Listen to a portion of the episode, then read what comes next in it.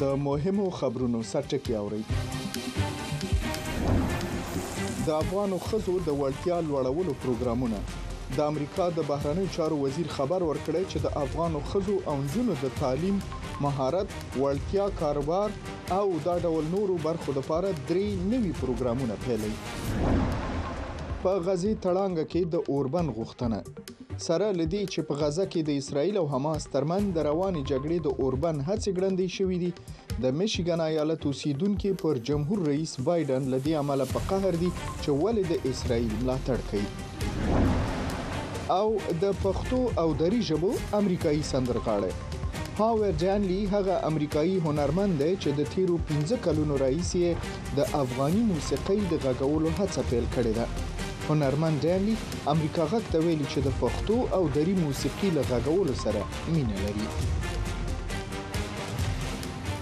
سلامونه او ستړي مشي نن چهارشنبه د کب نهمه او د فبروري 28مه نیټه ده په دې نیم ساعت خپرونه کې به په غزه کې د اوربند د هڅو اړوند راپور واورئ، خو د افغانستان په اړه په پیل کې مسایل لرو، هیله ده چې خپرونه درسره وګورئ او واورئ. په غزه کې به د روژې میاشت کې د احتمالي اوربند په اړه به د سید عزیز الرحمن نه معلومات واخلو چې د سپینې ماڼۍ وروستي انکشافاتو په باره کې معلومات لري او د همغه ځایه به په خپرونه کې راسره ملګری شي او د افغانستان د وسلوال پوځ د سرتیري ورځ په اهمیت او ارزښت لږه شېبه وروسته د پخواني جنرال صلاح الدین حمیدي صاحب سره خبرې کوم چې نن یې زموږ بلنه منلې. دواړو ته ستړي مي شویم، لږه شېبه کې تاسو ته ګرځم، لیدونکو نه هم هیله کوم چې موږ سره اوسي. په متحده ایالتونو کې د جمهوري ریاست لپاره د مقدماتي ټاکنو په لړ کې جمهور رئیس جو بایډن او ډونالډ ټرمپ دواړه وتوانېدل چې د خپلو ګوندونو په استازیتوب پرون یعنې د سې شنبې پر ورځ د میشیګن ایالت مقدماتي ټاکنې وګټي خو په غزه کې د جګړې له دوام سره دغه ټاکنې د جمهور رئیس بایډن لپاره د خبرداري د پیغام سره مل وې. د نورو جزیاتو لپاره سید عزیز رحمان د سپینې ماڼۍ نه په خپرونه کې راسره دی او معلومات به یې شریک کړي. عزیز جانه د میشیګن مقدماتي ټاکنو کې اصلا د جمهور رئیس بایډن لپاره څه پیغام درلودو؟ اشنا صاحب که څه هم جمهور رئیس بایډن دغه ټاکنې په میشیګن ایالت کې وګټلې لیکن پیغام یې دا و یا دغو ټاکنو په ډاګه کړه چې د په غزه کې د روان وضعیت سره دلته جمهور رئیس بایډن خپل ملاتړ په خاصه توګه د مسلمانانو په منځ کې له لاسه ورکوي او دا د راتلونکو ولسمشریزو ټاکنو لپاره د جمهور رئیس بایډن لپاره د خطر زنګ ګڼل کیږي ځکه چې مشګن ایالت یو بټل ګراوند یا سوینګ ایالت دی په دې معنی چې یو رقابتي ایالت دی او هر ګوند کولای شي چې یو رقابتي ایالت خپل کړي د دغو ایالتونو تعداد د ګوتو په شمیر دی نو په همدې وجه د هر ګوند کاندید هڅه کوي چې په همدغو رقابتي ایالتونو کې خپل انرژي مصرف کړي او میشیګن ایالت هم یو له همدغو ایالتونو څخه دی خو د تیرو څو اونیو را په دې خوا دلته په میشیګن کې یو کمپاین په لاره واچول شو او له خلکو څخه وغوښتل شول چې په دغو مقدماتي ټاکنو کې هیڅ کاندید ته که هغه د دیموکرات ګوند وي او یا د جمهوري غوښتونکي ګوند وي باید رایه ور نه کړي او همداسې هم وشول پرون د مقدماتي ټاکنو کې د دیموکرات ګوند شاوخوا دیارلس سلنه رای اچوونکو جمهور رئیس بایدن ته رای ور نه کړه او په همدې خاطر د جمهور رئیس د پاره د خطر زنګ بلل کیږي ځکه چې دغه میشیګن ایالت په تیرو څلور یا پنځو میاشتو کې د قهرجنو دیموکراتانو لپاره په یو مرکز بدل شوی دی او په دې کې دلیل یې دا دی چې دغه ایالت په دې کې زیات شمیر مسلمانان په خاصه توګه امریکایی عرب خلک دلته زیات اوسی او ډیر په غوسه دی او دوی غواړي چې جمهور رئیس بایډن باید خپل تګلاره د اسرائیل پر وړاندې یعنی د اسرائیل څخه خپل ملاتړ ته پای ورکړي او د یو دایمي اوربند غوښتونکي دي د غزي په سویلي ښار رفح کې د اسرایلیانو هوایي بریدونه دوام لري چیرې چې له یو میلیون څخه ډیر فلسطینیان په داسې حال کې د خوندیتوب په لټه کې دي چې مذاکره کوونکي د روجي د میاشتې نمخ کې د لندمحاله اوربند لپاره هڅه کوي زما هیله دا ده چې تر راتلونکي دوشنبه پورې به اوربند وشي په غزه کې پرمختګ د ولسمشر جو بایډن لپاره مهمه دی، ځکه چې هغه د غزې د مرګ ژوبلې له امله د قهرجنو ډیموکراټانو سره مخ دی. هغه د سې شنبې په ورځ په میشیګن کې د ډیموکراټ ګوند لومړني انتخابات وګټل، خو د میشیګن واورئ نومې ډلې لخوا د مخالفت سره مخ شو. یاد ایالت کې ګڼ شمېر امریکایي عربان ژوند کوي. دې ډلې خلک هڅوو چې بې ژمنې رای ورکړي، ترڅو په بایډن فشار راوړي چې د دایمي اوربند ملاتړ وکړي. موږ فکر کاوه چې هغه به د انسانیت او شفقت سره د دې هېواد رهبري وکړي، خو هغه په دوه مخۍ سره رهبري کوي. په ملي کچه عرب او مسلمانان امریکنیان ډیر رای ورکوونکي نه دي خو په میشیګن کې د غیر ژمنو رایو اندازه به دا په ګوته کړي چې امریکنیان څومره په کلکه د بایډن د غزي تګلاره رد کوي د میشیګن ایالتي پانتون نه لوړ پوړي دیموکراتان ګومان کوي چې دیموکراتان به رای ورکړي او بایډن ته به رای ورکړي ځکه چې بل انتخاب ډیر وحشتناک او ویرونکی دی. د جګړې پر ضد د کرکې یو بل اړخ دا دی چې د امریکا د هوایي ځواک لوړ پوړي غړي ایرون بوشنل د اسراییل د سفارت مخې ته په احتجاج کې ځان ته اور واچوه. سپینې ماڼۍ د هغه مړینه یوه وحشتناکه غمیزه بللې ده. موږ پوهیږو چې د دې ټولنې لپاره دا څه معنی لري او ولسمشر هم په دې پوهیږي، خو موږ دې ته ډیره پاملرنه کوو او دا چې ټولنه له څه تیریږي. د بایډن ناقدین وايي، سره د دې چې یو شمیر ټولپوښتنې ښايي چې د امریکایانو زیاتیدونکې شمیره په غزه کې د دایمي اوربند ملاتړ کوي، خو وايي بایډن ورته غوږ نه ایږدي. دوی د بسنه ورکوونکو خبرو ته غوږ نیسي او دوی د فشار ډلو ته غوږ نیسي، نو د ګوند د ځواک مرکز چیرته دی؟ د حکومت سره دی؟ په ګوند کې د رایې اکثریت چیرته دی؟ د ترقي غوښتونکو څانګې سره دی؟ دا هغه کسان دي چې احساس کوي عدالت او سوله د اوسنۍ تګلارې له مخې ښه نه ده ترسره شوې. په دوه زره شپاړسم کې پخوانی ولسمشر ډونالد ټرمپ میشیګن ایالت د یوولس زره څخه په کمو رایو ګټلې وو شیناز نفیس امریکا غږ واشنگټن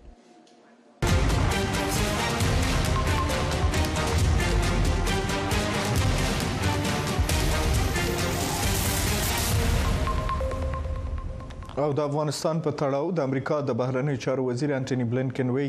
د افغانو مېرمنو د تعلیم، مهارت او ظرفیت لوړولو لپاره یو لړ نوي پروګرامونه پیلوي. بلېنکن د افغانو ښځو د اقتصادي مقاومت ائتلاف په نوم یوې غونډې کې پرون خبرې وکړلې او د افغانو مېرمنو لپاره یې د کاروبار او په نورو برخو کې د ملاتړ ژمنې هم وکړې.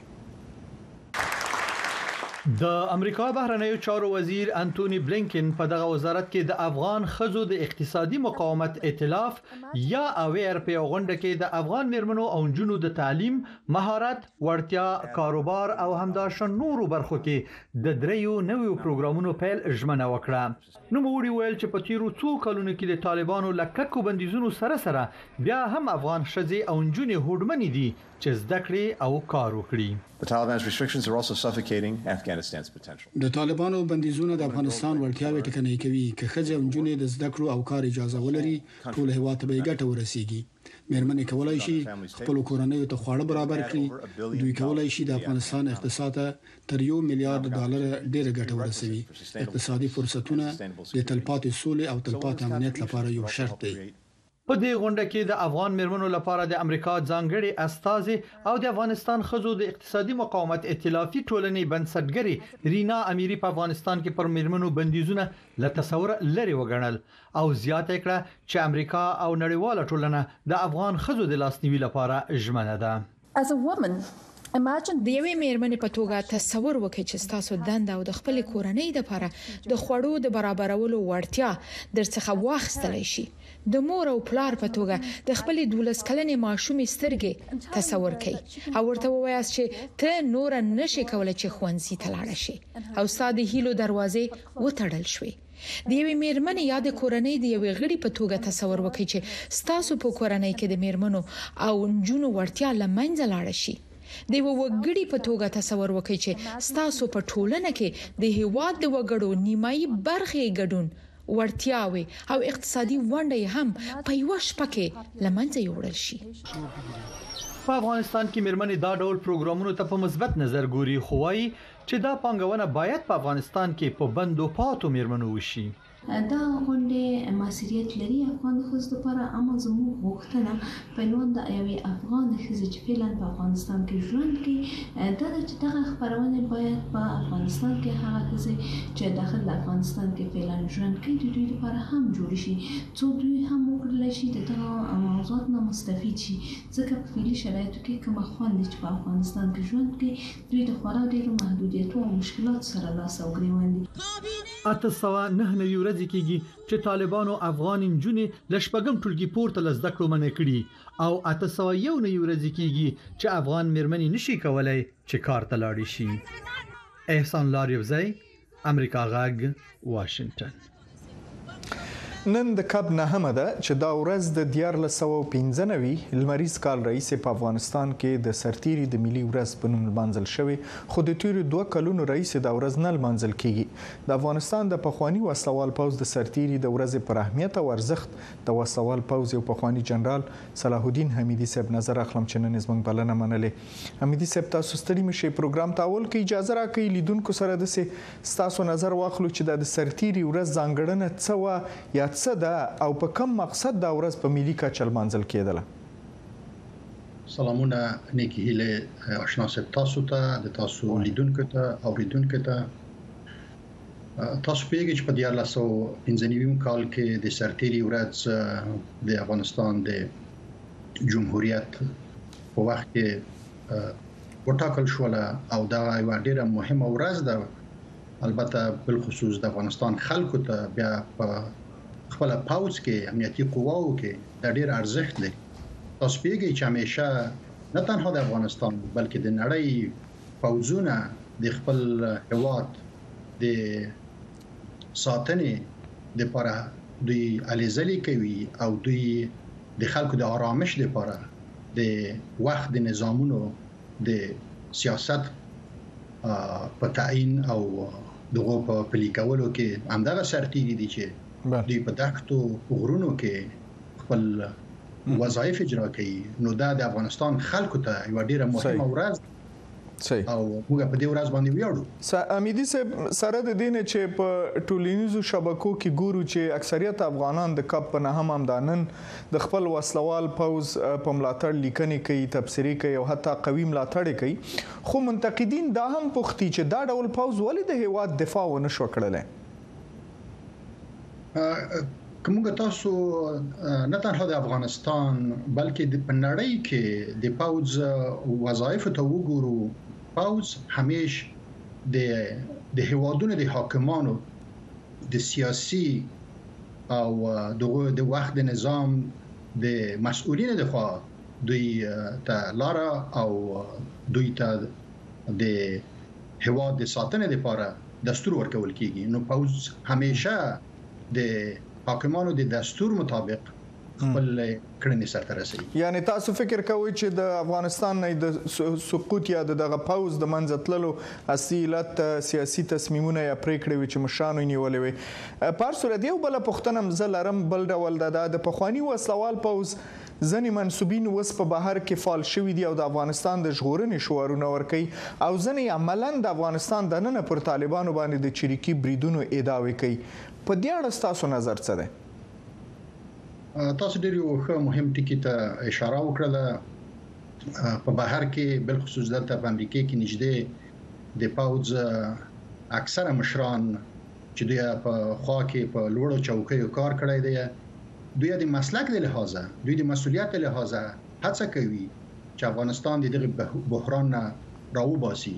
مګر یو شي ته چې زه باید اشاره وکم د مسلکی لحاظه د پوځ غړي نه غواړي چې هر مرحله په جنگ او په تشدد باندې حل شي زه فکر کوم د پوځ هغه مشران چې دلته بل خصوص په امریکا کې په واشنگټن ډي سي کې حضور لري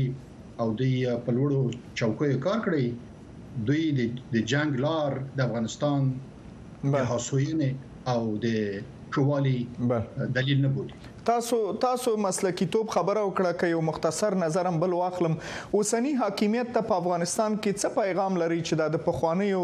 روزول شو پوځیانو لکه تاسو په شان د تجربو نه د پوهې نه او د تعلیم نه د افغانستان په ګټې څه ډول کار واخلي، څه وکړي؟ زه فکر کوم چې د موږ د پوځ د مشرانو او د پوځ د منسوبینو پیام به حاکمانو ته په هره دوره کې دا وي چې دوی د پوځ نه ناوړه ګټه وانخلي. دوی د پوځ نه د یو مسلک، د یو نهاد چې هغه د افغانستان ملي ګټې پکې نغښتي وي، دوی باید استفاده وکړي. د ما خو فعلي حاکمانو ته هم، دغه وړاندیز دی چې دوی د دغه پنځه څلوېښت کلنې تجربو په اساس باندې چې په مختلفو نظامو کې د پوځ نه په یوه غلطه توګه استفاده وشوه دوی د دې ته ادامه نه ورکوي او پوځ دې بنا پر مسلک باندې د افغانستان د ملي ګټو لپاره استعمال کی جنرال صاحب صلاح الدین حمیدی کورم ودان ډیره مننه چې زمنګ بلنه منلې و او د کپ نه هم چې دا د افغانستان د پخواني وسله وال پوځ د ملي د سرتیري د ورځ یا ملي ورځ په نوم لمانځل کیدله تاسو په کې خپله ارزونه او نظر شریک کو مننه ستاسو نه. تاسو نه مننه.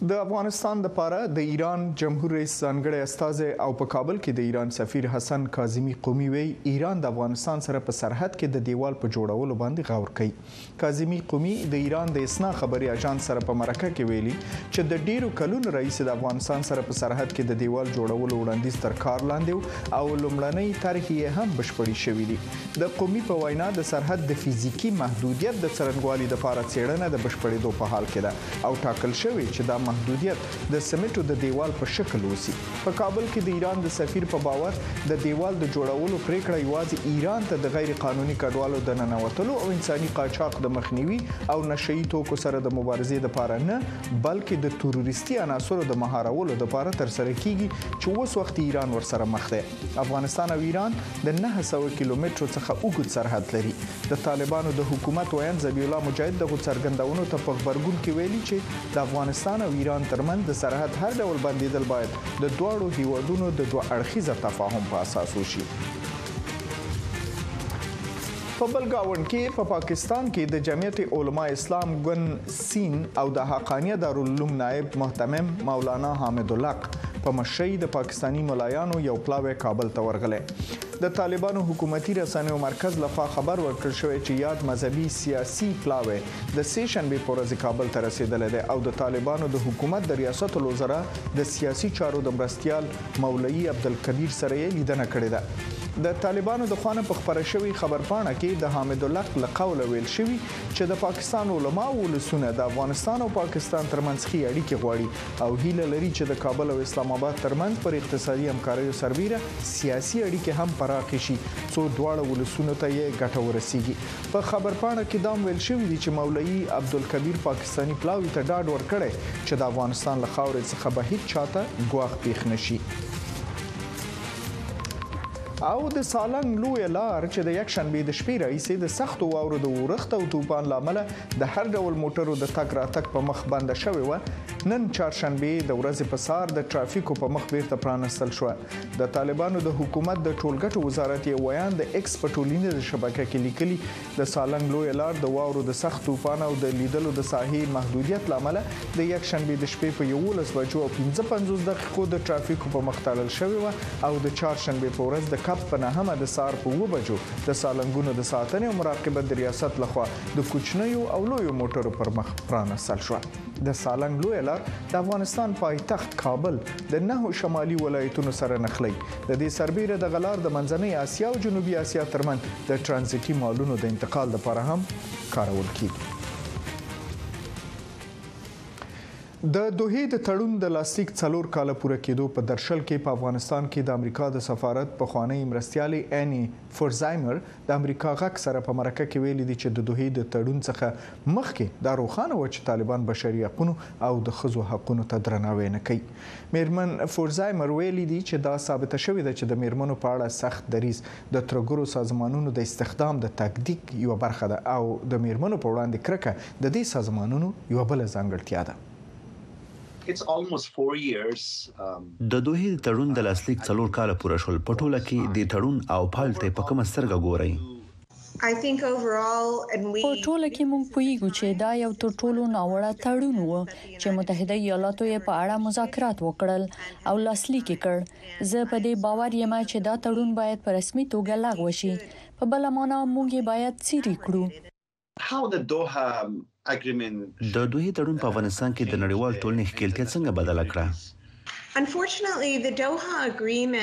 په خواشینۍ سره د دوحې تړون د هغې نظریې پر بنسټ ولاړ و چې بین الافغاني مذاکرات به ترسره کیږي او په یو ډول نړیوال تضمین و چې طالبان به پر هیواد نه واکمن کیږي خو تاسو ولیدل چې څه وشول له مناسب وخت څخه مخکې ځواکونه ووتل پنځه زره بندیان خوشې شول چې اکثره یې د طالبانو مهم غړي وو، پوهېږئ دا په یو ډول د طالبانو لپاره اخلاقي بریا وه چې د نړۍ زبرځواک سره مذاکرات کوي او د هېواد واک یې تر لاسه کړ او هغه دموکراتیک او منتخب حکومت چې زموږ متحد وو کمزوری کړای شو.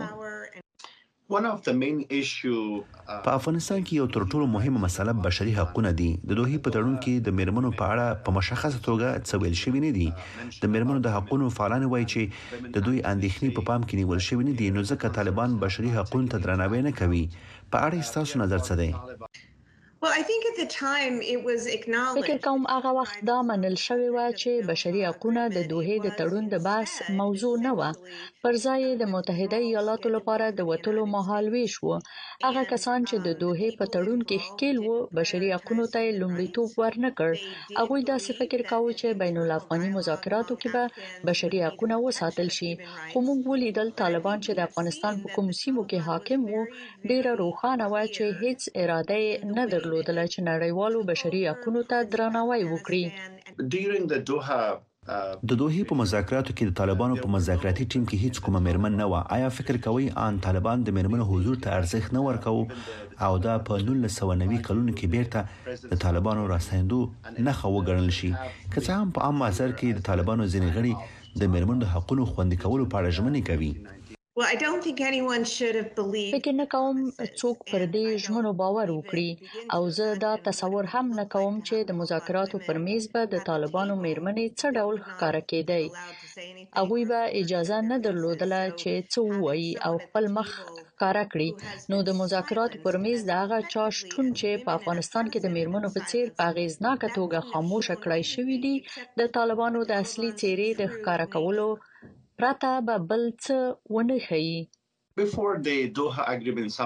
دوحې تړون څخه مخکې یو شمېر کسانو باور درلود چې طالبان بدل شوي دي، هغوی به بشري حقونو او د مېرمنو حقونو ته درناوی کوي، خو ځینې کسان وايي چې دا رښتیا نه وه، ولې متحده ایالاتو داسې یو دریځ غوره کړ او له طالبانو سره یې د دوحې تړون لاسلیک کړ؟ په صادقانه توګه زه نه پوهیږم زه هغه وخت د متحده ایالاتو د حکومت غړی نه وم داسې خلک هم وو چې کېدای شي هیله بښونکي فکرونه یې درلودل خو موږ باید روښانه دریځ درلودلای طالبان چې د افغانستان په ځینو سیمو کې حاکم وو دا ټولو ته روښانه ده چې هغوی د بشري حقوقو ساتنه نه کوله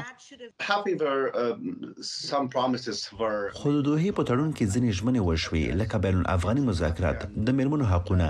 د دوحې د تړون د پلي کیدو په اړه څه نظر لرئ؟ زه فکر کوم چې د دې تړون په هره برخه او پلي کیدو کې نیمګړتیاوې وې. یوازیني کسانو چې دا تړون پلي کړ هغه د نړیوالو ځواکونو او د متحده ایالاتو د ځواکونو وتل وو. او له ناټو یې وغوښتل چې ورته کار وکړي، خو د ناټو ځواکونو هلته د پاتې کېدو هیله درلودله. ولې طالبان زیات په افغانستان کې پر مېرمنو باندې پر محدودیت لګولو ټینګار کوي او ډېری فرمانونه یې د مېرمنو په اړه صادر کړي دي؟ زه شخصاً په دې اړه نه پوهېږم، خو دا ثابته شوې ده چې د مېرمنو په اړه سخت دریځ د ترهګرو سازمانونو د استخدام د تاکتیک یوه برخه ده او د میرمنو په وړاندې کرکه د دې سازمانونو یوه بله ځانګړتیا ده. او د موسیقۍ مینوالو ته د پښتو او دری ژبې د یو امریکایي هنرمند او سندرغاړي د هنر په اړه به راپور وګورئ خو د یوې وقفې وروسته د بدلون پر مهال کله چې د نړۍ وضعیت څرګند نه وي او کله چې اوریدل له عیني واقعیتونو سره سمون نه خوري موږ په حقیقت پسې ګرځو کله چې موږ ته د یو موضوع یوازې یو اړخ بیانېږي نو باور بایلو د ناورین پر مهال د یوې ښې راتلونکې لپاره زموږ خوبونه تمې او هیلې پر آزادو مطبوعاتو تکیه وي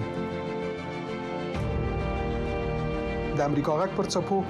موږ هغه خبرونه خبرو چې خلک یې د لیدلو لپاره غواخونه مني موږ نړۍ سره وسلو او د حقیقت په ویلو یو موټی کوو د امریکا غږ لاري موږ بشپړ انزور درکو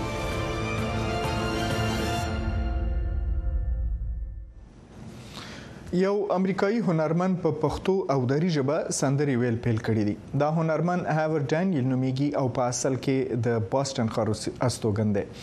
ډانلی وایي چې د پښتو او دری ژبو سره د ډېرې علاقمندۍ د وجنه د څو لسیزو را دی خو په دواړو ژبو سندري وایي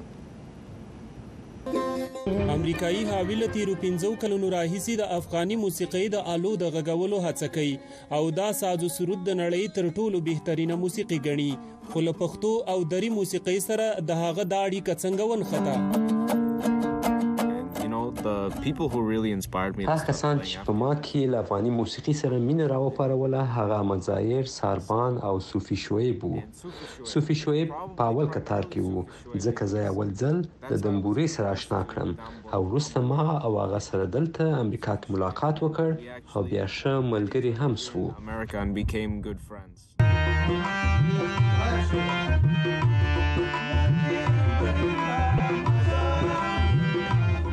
هاوي چې خپل پوره نوم یې هاویر ډان لي دی د هنرونو په یو مرکز کې موسیقي زده کوي او ډیر پامی په فارسی او دری موسیقی ور ټولی خو وایی د پښتو ساز غږیدل یی هغه وخت شروع کړل چی څو کاله مخکی امریکا کی ځینی پښتانه ملګری وموندل. لایک ستا نوم څه دی زما نوم هابی دی ډیره مننه ستا د کوم ځای د خدای په امان.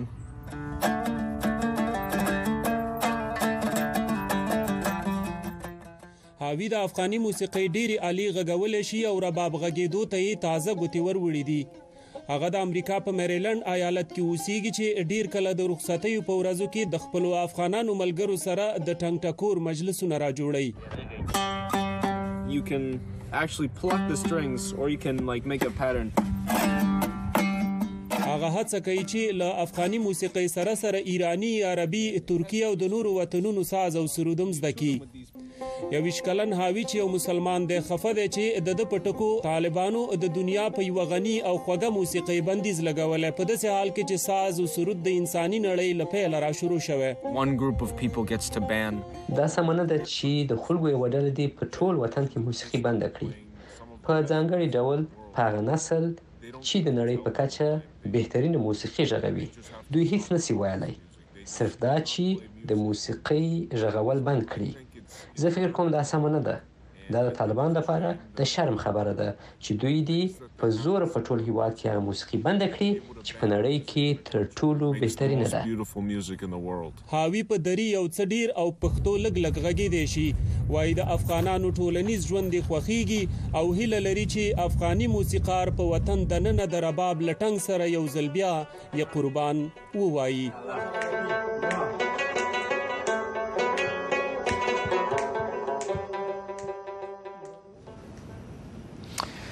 دا خبرونه په همدې سره پای ته رسو کولای شئ چې که دا راپور پوره نه لیدل لږه شیبه وروسته د امریکا غږ په فیسبوک پاڼه او په یوټیوب پاڼه باندې وګوري ترڅنګ نن د امریکا غږ د آشنا رادیو په سپینې خبرې خبرونه کې مونږ د په افغانستان کې د کب د نهمه چې د افغانستان د سرتیري د ورځ په نوم بانې په داخل او بیرون کې د زنو افغانانو د خوانه او خصوصا د پخوانیو پوځیان د خوا لمانځل کیږي نن پې بحث لرو په اهمیت او ارزښت یې د مهمو په خوانیو پوځیانو او سیاسي څوړونکو نظر اخلو تاسو هم کولای شئ خپل نظر یا پوښتنه د فیسبوک په پاڼه بانې مونږ سره شریک کړئ مونږ دا موضوع هلته شریکه کړې ده نو اوس هم د نن پښتو خبرونه مننه چې اوسه پور را سره وي خبرونه پای ته رسو خو دری خبرونه پیلیږي او زما همکاره